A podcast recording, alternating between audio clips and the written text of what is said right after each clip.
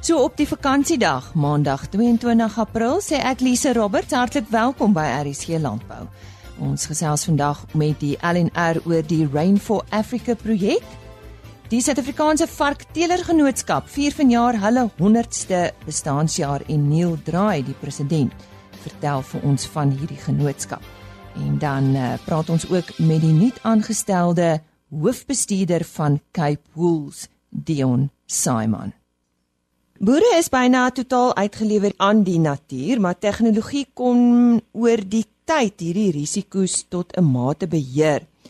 Nou klein boere het ongelukkig nie altyd toegang tot hierdie tipe tegnologie nie en die Rain for Africa projek is daarop gemik om die beste beskikbare weer en klimaatsinligting aan hierdie boere beskikbaar te stel om sodoende voedselproduksie op 'n volhoubare wyse te verbeter. Nou u sal onthou dat ons verlede week met Chris Kamfer gesels het oor weer en weerstasies en die voorspelling van weer en nou ons praat nou met hom oor die Rain for Africa projek. Ja Chris, uh, wie dra almal by tot hierdie projek? Goeiemôre Lize en al die luisteraars. Ja, die die projek is 'n samevoeging van uh 10 uh vennote waarvan 8 vennote uit Nederland uitkom en uh, twee vennote van Suid-Afrika. In Suid-Afrika is dit die Suid-Afrikaanse Weerdiens en uh, die Landbounavorsingsraad. En ons is op 'n stadium genader deur 'n Nederlandse maatskappy met die naam van Hydrologic om betrokke te raak by 'n internasionale projek uh, wat deur die Netherlands Space Office geloods is en en finansier is. En die doel van die projek was om tegnologie na die uh, boere te bring wat nie wat nie toegang daartoe het nie. En daar is dus besluit uh, dat ons al betrokke raak daarbey en ja, dis hoe die Rain for Africa projek tot stand gekom het. Uh goed Chris, maar hoe is dit befonds? Uh die die befondsing het op so 'n manier gewerk dat die Netherlands Space Office uh voorsien 60% van die befondsing terwyl die vennote, die konsortium vennote 40% van die befondsing self moes doen. Maar wat interessant was is die befondsing is net nie net eenvoudig gegee en gesê daar's befondsing nie en jy kan aangaan en jy kan met die projek werk. Die die die uiteinde van die projek moes gewees het dat aan die einde van die projek moet 'n besigheid op sy eie voete kan staan en moet voortgaan uh om om produkte te lewer. Jy het nou in my eerste uh, vraag se antwoord het jy so vinnig verwys na dit's eintlik gemik op klein boere. Miskien kan jy net uitbrei wat is die doel van die projek? Die die doel van die projek was om enige tegnologie na boere te toeneem en ons doelstelling was om 100 000 boere um, te nader en om vir hulle te die die tegnologie van so 'n aard beskikbaar te stel dat dit op die regte tyd aan uh um beskikbaar is dat die tegnologie vir hulle 'n opbrengsverhoging van 10% het dat die insetkoste met 10% sou verbeter. So dit is so basies die die ehm um, mikpunte wat ons gehad het vir die projek. Is dit net op klein boere gemik? Nee, nee, definitief nie. Op hierdie stadium is dit gemik op klein boere, maar soos wat ek van tevore gesê het, die die die projek moet op die ou ene van die dag in 'n besigheid ontwikkel word en dus sal ons op 'n latere stadium gaan kyk na uh toepassings wat ons gaan ontwikkel vir uh kommersiële boere ook. So is daar al 'n produk wat uit hierdie projek ontstaan het? Ja. Ehm um, ons het ons het heel aanvanklik uh, toe ons gedink het maar ons moet 100 000 klein boere uh, bereik met die projek het ons gesê maar wat is die taal 'n stapel voedsel vir klein boere? 'n Stapel voedsel op hierdie stadium is is mielies. En het ons gedink ons gaan iets ontwikkel rondom mielies. En ons het toe teruggegaan, ons het uh, gesprekke gehad met boere, ons het boere daar gehou en ons het met duisende boere gesels en op die ou ende van die dag het dit uitgekom dat hulle in werklikheid 'n probleem het want die kommersiële boere het sukses maar hulle het verliese. En waar kom dit nou eintlik vandaan? En toe kom ons agter dat baie keer die plantdatums verskil. Hulle plant te laat of te vroeg en dan is daar verliese van 30% plus. En daar het ons toe nou besluit ons gaan 'n uh, applikasie ontwikkel wat die die plantdatum vir die kleinboer meer akkuraat gaan bepaal uh, die die plantdatum word bepaal deur uh, 'n boer laai sy applikasie af terwyl hy op die plaas is. So met die slimfoon weet ons presies waar hy is. Ons weet dus ook wat is die omgewing se weerstoestande. So ons gaan en sê die laaste rypdag van daar af tel ons die akkumulasie van reënval vir 10 dae plus ons uh, voorspel die volgende 10 dae en indien in daardie tydperk meer as 25 of 25 of meer millimeter uh, van reën geval het, dan kry die klein boer kry nou 'n uh, uh, kennisgewing en sê die tyd is reg, jy kan nou begin plant. Nou jy het nou nog so gepraat van gesels met die boere en dis natuurlik advies. Wat behels die advies en hoe het julle besluit om juis daardie advies aan te bied? Ja, soos wat ek van tevore gesê het, ons het ons het uitgegaan, ons het 'n uh, uh, boere daar gehou, ons het uh, 'n vraelyste ingevul. Ons het uh, baie aksies gehad met uh, voorligters waar ons probeer uitvind is wat is die knellende punte vir vir die boere? Waar het ons waar kan ons die grootste impak maak? En dit was toe nou in die mieliebedryf. Eh uh, maar uh, dit ons het nie net daar gestop nie. Dit sal voortgaan. Ons gaan nog meer dinge ontwikkel. Hoe werk hierdie toepassing? Die die toepassing werk so dat as 'n boer gaan en hy laai dit van die Play Store af, die die toepassing word AgriCloud genoem. Hy laai dit af in die aflaai proses terwyl hy homself registreer. Registreer die slimfoon ook die posisie van die boer. So op daai manier weet ons waar hy is en ons weet om watter uh, weervoorspelling te gebruik met die met die advies wat ons vir die boer gee. Maar die weer verskil mos oor die totale mielie aanplantingsgebied. Hoe hoe oorkom julle dit nou? Dit is juist dis juist waar die die lokaliteit van die foon buite uiters belangrik is. So ons weet waar die boer is en ons gebruik daai omgewing se se weervoorspelling en weer akkumulasie wat ons gemaak het om vir die boer dan te kan sê wanneer hy kan plant wanneer wanneer nie. 'n boer kan byvoorbeeld gaan en hy kan hom self vir 'n tweede keer registreer op 'n ander plaas wat wat weet ek heeltemal 'n ander distrik is of selfs net 'n paar kilometer verder van sy een ander ander plaasie waar hy besig is om te werk. Ek Chris is daar nog toepassings ontwikkel. Ja, ons uh, wat ons intussen dan ook nog ontwikkel het was 'n bespuitingsprogram. En die bespuitingsprogram uh dui aan wanneer kan daar uh pestisides of uh, onkruiddoders of so iets uh, gespuit word. Uh die bespuiting van van pestisides is baie gekoppel aan weeromstandighede, uh, wind, temperatuur, humiditeit en daai tipe van goed. So ons het 'n applikasie ontwikkel wat in 'n 3 uur uh siklus vir die boer kan laat weet wanneer kan hy plan uh, uh bespuit en wanneer kan hy nie uh, bespuit nie. So ons gevoel om 'n paar dae gee en sê op uh, Woensdag die 3de kan jy van 9uur tot 12uur spuit en dan kan jy eers weer 1500 weer bestuur, uh, bespuit vir die volgende 3 ure. My afsluit is daar nog enige toekomsplanne rondom die ontwikkeling van 'n uh, nuwe toepassings, Chris? Ja, uh, definitief. En soos wat ek van tevore gesê het, ons moet nou 'n bietjie meer konsentreer op kommersiële boere. En uh, daar is tans 'n uh, paar navorsers en uh, programmeerders in Nederland saam met ons Nederlandse uh, partners. En uh, hulle is tans besig om uh, te kyk na die ontwikkeling van nog uh, toepassings en dit lyk my dat die volgende toepassing uh, waarskynlik in die koringbedryf ontwikkel sal word. Nou ja, ek is verseker gaan ons weer met Chris Kamfer gesels as dit daarby kom.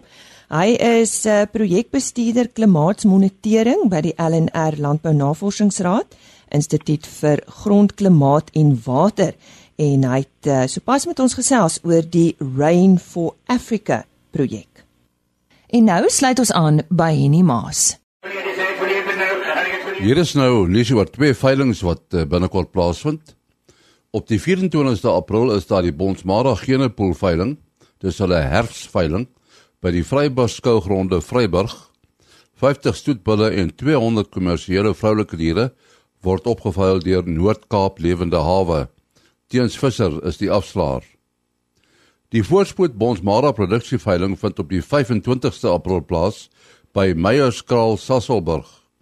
30 SP bulle, 30 SP vroulike diere, 50 kommersiële koeie met kalvers, 50 kommersiële dragtige koeie, 150 kommersiële dragtige verse en 50 kommersiële oopverse word opgevuil deur BKB Louet. Teens Visser is die afslaer. Tot sover veiling nuus. 1085. Karen Venter, ons verteenwoordiger daar in die Oos-Kaap, het onlangs met Dion Simon gesels. Hy het op 1 Februarie begin as die nuwe hoofbestuurder by Cape Wools. Ehm um, Dion, kan jy vir ons 'n bietjie meer vertel van jou posisie hier by Cape Wools? Ehm um, en waar was jy voorheen betrokke geweest? Ja, Karen, baie dankie. Ja, so ek is splinter nuut in in my posisie hierso die 1 Februarie begin. Ehm um, ja, ons is Cape Wools natuurlik is die verteenwoordigende ehm um, liggaam van die wolbedryf in Suid-Afrika vir die hele pipeline. So ja, dis 'n dis 'n taamlike komplekse rol wat mens moet vervul hierso van van die plaas regdeur tot die eindketting moet jy bedien en seker maak jy's ten volle ingelig en jy kan natuurlik al die risiko's aanspreek en bestuur waar jy kan. My agtergrond is in die in die Bokkar bedryf, wel oorspronklik finansiëel, um, wat ek studeer het en toe um, 21 jaar in die Sybokkar bedryf gewees. Ehm um, as ehm um, bestuurende direkteur van van Sybokkar Suid-Afrika op die ou end en toe die 1 Februarie begin. Dis vir my 'n geweldige uitdaging om om oor te beweeg van van Sybokkar na Wol toe. Alhoewel die twee vesels so baie dieselfde het en soveel in gemeen het, is die bedrywe tog baie anders. En ander uitdagings wat ons wat ons hier sien en natuurlik waar ons osself nou bevind met back and closure, natuurlik 'n reuse uitdaging um, vir ons bedryf. So ek is regtig aan die in die diep kant ingegooi. Um, maar ek sien geweldig uit na die uitdaging. Ehm um, en ek dink daar's geweldige geleenthede vir spesifiek vir die vir die wolbedryf in Suid-Afrika en die tipe wol wat hier geproduseer word en hoe dit geproduseer word. Ek dink in eh, as ons kyk net na na waar in die wêreld beweeg en wat jou jou consumer, ekskuus vir die Engelse woord daar buite eh, jy die verbruikers regtig wil hê, is dit hulle soek volhoubare produkte wat eties geproduseer word en die naspeurbaarheid wat teruggaan na die plaas toe. En dit is vir ons krities belangrik en dis een van die goed waar ons natuurlik baie sterk gaan fokus in die volgende 6 maande na na 5 jaar en vorentoe want ek glo dit is waar waarheen ons gaan beweeg en dit is absoluut noodsaaklik. Ons deel oor alle fasette van die van die van die waardeketting van boere regdeur tot tot die eindverbruiker. So as daar enige inligting is wat wat enige boer wil direk by my wil weet en as hy nie deur sy normale strukture wil gaan nie, dit is natuurlik ook daar en beskikbaar. Hulle is baie welkom. Maar my deur staan altyd oop. Ons is hier by die by die Wollen Bokkar beurs gesetel. Ehm um, waar die veiling plaasvind. So as as iemand inkom vir 'n vir 'n veiling, kom loer in asseblief, kom gesels, kom sê wat julle ehm um, probleme of bekommernisse is en hulle kan my kontak by uh, by die kantoornommer 041 4844301 of vir my 'n e-pos stuur by dion@capewools.co.za. Nou maar Dion baie baie dankie hiervoor en namens die luisteraars wens ek vir jou alle sukses hier by Cape Wools te. Dit was die stem van Karen Venter en ons sê baie dankie aan haar. Sy het dan met die nuwe hoofbestuurder van Cape Wools gesels en hy is Dion Simon. Die Suid-Afrikaanse Varkteelers Genootskap vier tydens die Ensminger Simposium in Mei hulle 100ste bestaanjaar. En ek gesels nou met Neil Draai, hy is die president van die genootskap. Nou Neil, ehm um, ja, ons het lanklaas gesels op RSC Landbou. Baie dankie dat jy vanoggend met ons praat. Baie dankie Lize en uh, baie baie uh, dankie ook vir die luisteraars wat uh, wat gaan moet luister na wat ons te sê het. Ja, sy. Neil, eh, kom ons eh, neem ons terug na 1920 toe. Sjoe, dit is baie lank gelede. Kan jy 'n paar interessante feite met ons oor die ontstaan van die Telersgenootskap deel? Ja, wie Lise, dis dis 'n baie baie lank jare terug. Maar ek moet ons sê al al wat ek kan sê is van die begin van die Varktelersgenootskap was ons maar geaffilieer aan Stamboek en hulle het vir ons baie baie beteken oor die jare heen. Ons eerste vergadering was 'n die 19de Mei 2 uh, ja uh, 1919 en van daai tyd af is ons al betrokke by Stamboek. So ek dink ons is baie naby aan een van die oudste lede by by Stamboek. En uh dis maar dis maar omtrendig en daarna het ons maar deur 'n moeilike paar jare gegaan. Maar ons is ons is baie dankbaar om te sê hier waar ons nou staan. Vergelyk ons met uh die beste varkboere in die in die hele wêreld. Ja, ons gaan nou nou daarby kom. Die hoeveelste president is jy, Neil?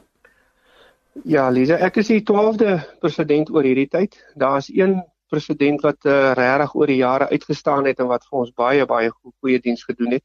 En dis oom Arthur Webber. Hy's nou nie meer met ons nie. Hy's so so 2 jaar terug oorlede. Dis eintlik so jammer want ek het so baie vrae eintlik wat ek vir hom nog wou gevra het. Hy regte ou legende in ons varkindustrie. Veral as dit kom by die teel van van varke, al drie rasse natuurlik. Jy's natuurlik self 'n varkboer. Waarmee boer jy? Waar boer jy en waarop fokus jy net so kortliks? Wie sê ja, ek boer in die Noordwes provinsie, eintlik maar so op die grens van Noordwes en Gauteng. Ja, dis vir my 'n dis vir my 'n groot voorreg om in hierdie area te kan boer. Ons gebruik natuurlik baie mielies. Dis 'n goeie goeie mielie area hierdie. So ja, um, ek is baie voorreg om hier te boer. En as as ek by jou tweede vraag kan kom, waarop ek fokus is natuurlik om 'n uh, diere te teel wat by ons Suid-Afrikaanse omstandighede aangepas is en dat dit net vir my kliënte maklik is om met hulle te kan boer. En dan natuurlik uh, die tweede punt wat vir my net so belangrik is, ons moet diere teel wat uh aanvaarbaar is in die mark. Die karkasse wat geslag word, moet uh, moet die huisvrou tevrede stel. En dan derdens maar nie nie die minste nie, is uh ons moet tred hou ook natuurlik met ons diere se se se prestasiedata, hulle randwaarde indekse en daai goeders moet tred hou met wat in die buiteland gebeur. So dis die drie hoof fokuspunte wat ek gebruik in my boerdery om tred te hou met wat daar buite gebeur. Ja, ek het gesê ons sal terugkom na die teel toe en dis natuurlik ook genetika soos ons weet is baie belangrik. Hoe dit oor die jare ontwikkel en jy het nou nou vinnig genoem na die drie rasse toe en dit is nou hoofsaaklik die drie rasse wat plaaslik geteel word, is ek reg? Noem 'n bietjie vir ons wat dit is. Hmm. Ja, wie Elise, ja, hierdie hierdie is 'n onderwerp wat ons vir ure kan gesels oor. Ons uh, ons spesialiseer maar uitsluitlik uit drie rasse, die groot wit, die landras en die dierok. Elkeen het natuurlik sy eie sterk veld en sy sterk gebied. Maar as ek net so vinnig kan aanraak hoe die varkindustrie oor die jare verbeter het, uh, is dit ongelooflik. Ek meen ons het 'n uh, uh, deur in die beginjare het die ouens gepraat van 19 varkies per sog per jaar. Nou ons gaan nou al na 30 varkies per sog per jaar toe. Nou die 30 varkies klink nou klink nou ja, dis baie, maar dis ongelooflik as jy dit byvoorbeeld met 'n bees vergelyk. 'n Bees produseer 'n karkas wat geslag word van 250 kg per koei, waar 'n uh, 'n sog produseer 2 ton wat jy uit een sog uit kry. En ons is besig om die grense alweer te verskuif. Ons beweeg al na 3 ton vleis toe wat jy uit 'n sog uit kan produseer in 'n jaar se tyd. Nou uh, dit klink ver gesog, maar dit is nie hoor. As jy 11.5 kleintjies per sog speen en sy 2.4 werpsels se jaar en uh ja, en die karkasse weeg 74 kg. As jy ook kom kry is dit oor die 2 ton wat een sog vir jou produseer. So dit is ongelooflik. En uh as jy dan net vat ons GDT van ons varke was nou in die begin stadium so 600 gram. Dit het nou opgeskuif na 1.7 kg per dag wat van die beere bereik en uh, goeters wat wat natuurlik 'n baie groot rol ook speel, dis nie net genetika nie. Is faktore soos voeding, behuising, bestuur, veeartseny en al daai divisies het ook oor hierdie jare saam met die varkindustrie en saam met die genetika gegroei. En al hierdie goeters gekombineer en saamgevat het gemaak dat ons uh, hierdie fenominale industrie het um, om te kan sê jong ons produseer die massa vleis uit 'n die dier uit. Nou ek kan onthou ek het uh, 'n uh, paar jaar gelede 'n lekker onderhoud met Simon Straiger gehad. Uh toe hy nog daar by Sapo was en hy het met ons gesels oor hoe gesog ons bedryf is in Suid-Afrika as ons dit moet vergelyk met die res van die wêreld. Vertel ons bietjie daarvan.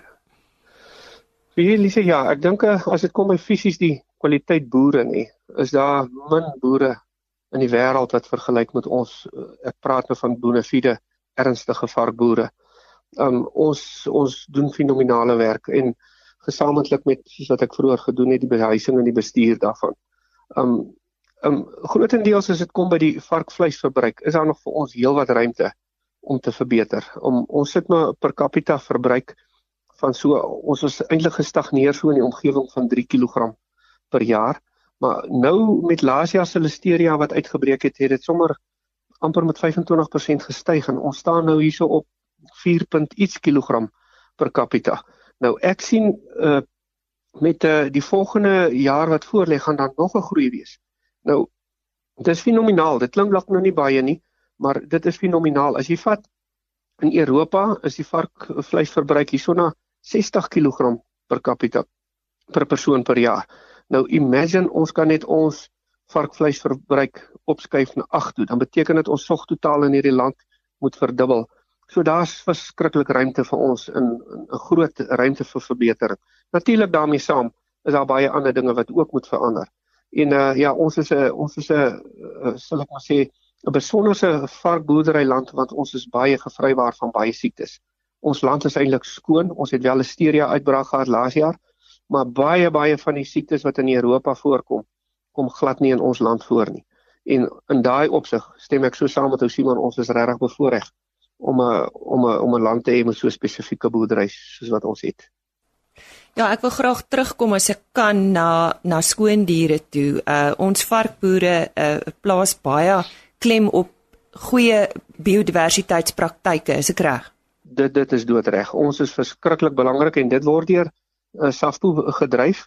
Uh, maar vir ons om eendag sou daar 'n 'n 'n beheerde siekte in ons boerdery uitbreek en uh, ons gaan bak aan staan by die regering om te vra vir vergoeding sal ons huis in orde moet wees. Ons sal moet sê ons is gekompartmentaliseer, ons is gepok 360 of, of wat ook al die geval is om te wys dat ons boere het ons kant gebring en dan kan ons natuurlik vir SAFPO vra om vir ons uh, te help met uh, met uh, die uitbetaling wat dan sou plaasvind maar daar's een ding wat ons net mooi moet besef. Sou ons boere nie aan hierdie dinge voldoen nie? En so iets gebeur. As jy in die moeilikheid hoor. Jy gaan jou eie jy gaan jou eie skade moet dra en jou eie kostes moet dra. En dis wat dit net vir ons ook belangrik is. Laat ons 'n produk op die mark kan sit dat die huisvrou kan besef hierdie produk wat jy kry van die varkindustrie af is gesond, is skoon, is veilig om te gebruik. So in in daai opsig dink ek is ons baie ver gevorder en ja, kan ek nogal sê ons kan onsself op die skouer klop. Veral die Engelse woord sê dit so lekker. Uh, traceability is nogal by ons 'n groot groot ding. Dis nou die naspeurbaarheid waarna ons almal werk. In hier in Suid-Afrika met die varkindustrie werk ons baie baie uh, streng uh, in daai rigting. Ek dink baie van ons boere kwalifiseer al daar daaraan om te kan sê luister hierdie choppie kan ons terugtrek na daai varkboer toe as jy dit die dag in die rak wil koop. En ons almal werk in daai rigting.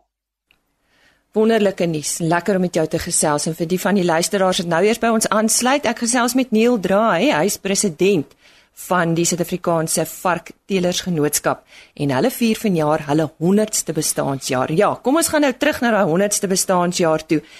Kan jy 'n paar hoogtepunte met ons deel, Neil? Ja, Lise, baie dankie. Ja, ek dink oor die jare heen het ons se almal gereken varkboerdery is 'n vuil boerdery en altyd die afvalkosse gebruik op 'n plaas. Dit het natuurlik baie verander. Ja, en ek dink die eerste groot verandering was gewees in 1956 toe die prestasietoetsing op die boere se plase begin het. Hulle het die eerste werksels begin toets in daai tyd. En toe dit later aan oorgegaan na individuele toetsing toe in 1970 waar voer omsette, vetmates en so natuurlik uh indekse van varke bereken is as gevolg van die die inligting. En toe het ons verder gegaan in 1992 en diere het later aan blabwaardes gekry wat nog 'n verdere beter instrument is om seleksies te kan toepas. Nou ek sien daai drie uh stadiums van van die varkindustrie as uitstaande hoogtepunte. En ja, um, ek het uh, ek het uh, oor die jare gedink hoe was dit ooit moontlik vir die mense om te kon die regte diere selekteer? En nou trek ons al by genomika en daar's een spreker wat reeds in hierdie tyd uh, in in hierdie simposium met ons gaan praat oor genomika, hoe jy genomika kan gebruik om 'n beter dier te selekteer om die regte dier te produseer vir jou mark. Nou genomika is 'n fenominale instrument om te kan gebruik vorentoe vir alles wat kom by seleksie. Ek wil nou nie daaraan gaan nie. Ek het nie die nodige die nou al die kennis om dit te kan doen nie. So ek nooi almal uit wat wil meer weet van genomika om die uh, die simposium te kom bywoon en uh, meer te kom leer daaromtrent. Nou ongelukkig is daar blykbaar nie meer plek nie Neil. Die registrasies het gesluit en daar dit is vol volgens die eh, ja. organiseerders en dit is eintlik goeie nuus. Kom ons praat oor daai feesvieringe. Julle vier nou hierdie 100ste bestaanjaar tydens die Ensminger simposium. Uh, uh, wat beplan julle? Is dit 'n lekker diner aandete? Wat uh, beplan julle? Ja, Ons het 'n uh, ons het beplan om om vier sprekers van Amerika af te kry om vir ons elkeen op sy eie veld 'n bietjie te kom kom inlig uh, oor die nuutste verwikkelinge as dit kom by by varkboerderye. Daar's onder andere 'n 'n 'n dokter wat vir ons gaan kom praat om te boer met met so min as moontlik antibiotika in ons in ons voeding. En dan die ou wat na hom praat is byvoorbeeld iemand uh, is hy die persoon ek dink dis dokter Nick Gebler. Hy praat byvoorbeeld om 'n alternatief te gebruik in plaas van antibiotika. En dan sê dokter Annie Johnson sy gaan praat oor die welstand van varkboerdery, die welfare van die varkbedryf, hoe ons ons boerderye moet begin aanpas om uh, om dit vir die dier ook lekker te maak om te lewe. En ek sien nogal 'n besonder daarna uit. En dan nou natuurlik laaste is professor Rothschild wat nou die punt gaan verder vat oor genomika en genetika, hoe ons dit kan gebruik om die regte dier te selekteer. So en na die na die al hierdie praatjies en spreuke sprekers hulle beurt gehad het aan die aand het ons 'n simposium waar ons al die ou bekendes en al die ou uh sal ek maar sê steenpilare oor die jare gaan vereer vir wat hulle vir die industrie gedoen het. Hulle gaan toekenninge kry en ons het 'n regtig 'n klomp uit 'n uh, uitstekende boere wat ons regtig net bietjie wil vereer vir dit wat hulle vir die industrie gedoen het. En nie net boere nie, daar's mense in die industrie wat ook groot bydraes gelewer het. Veeartse, voedingkundiges en almal van hulle. Natuurlik sal ons nie almal kan nie, maar ja, ons gaan probeer om soveel as moontlik te vereer wat ons kan vir vir hulle bydrae aan die varkindustrie om ons te gekry het tot hier waar ons nou trek. Nou ja, mag ons solank julle gelukwens met julle 100ste bestaanjaar en dit was die president van die Suid-Afrikaanse Varkteelersgenootskap en Neil Draai en hy het met ons gesels oor hoogtepunte die afgelope 100 jaar en uh, ook wat hulle beplan vir hulle 100ste bestaanjaar. Nou ja, dis dan alwaar vir ons tyd het vandag. Skakel gerus môreoggend weer in vir RSG Landbou. Ons sien uit om saam met u te kuier. Totsiens. RSG Landbou is 'n produksie van Plaas Media. Produksieregisseur Henny Maas. Aanbieding Lisa Roberts en inhoudskoördineerder Jolandi Root.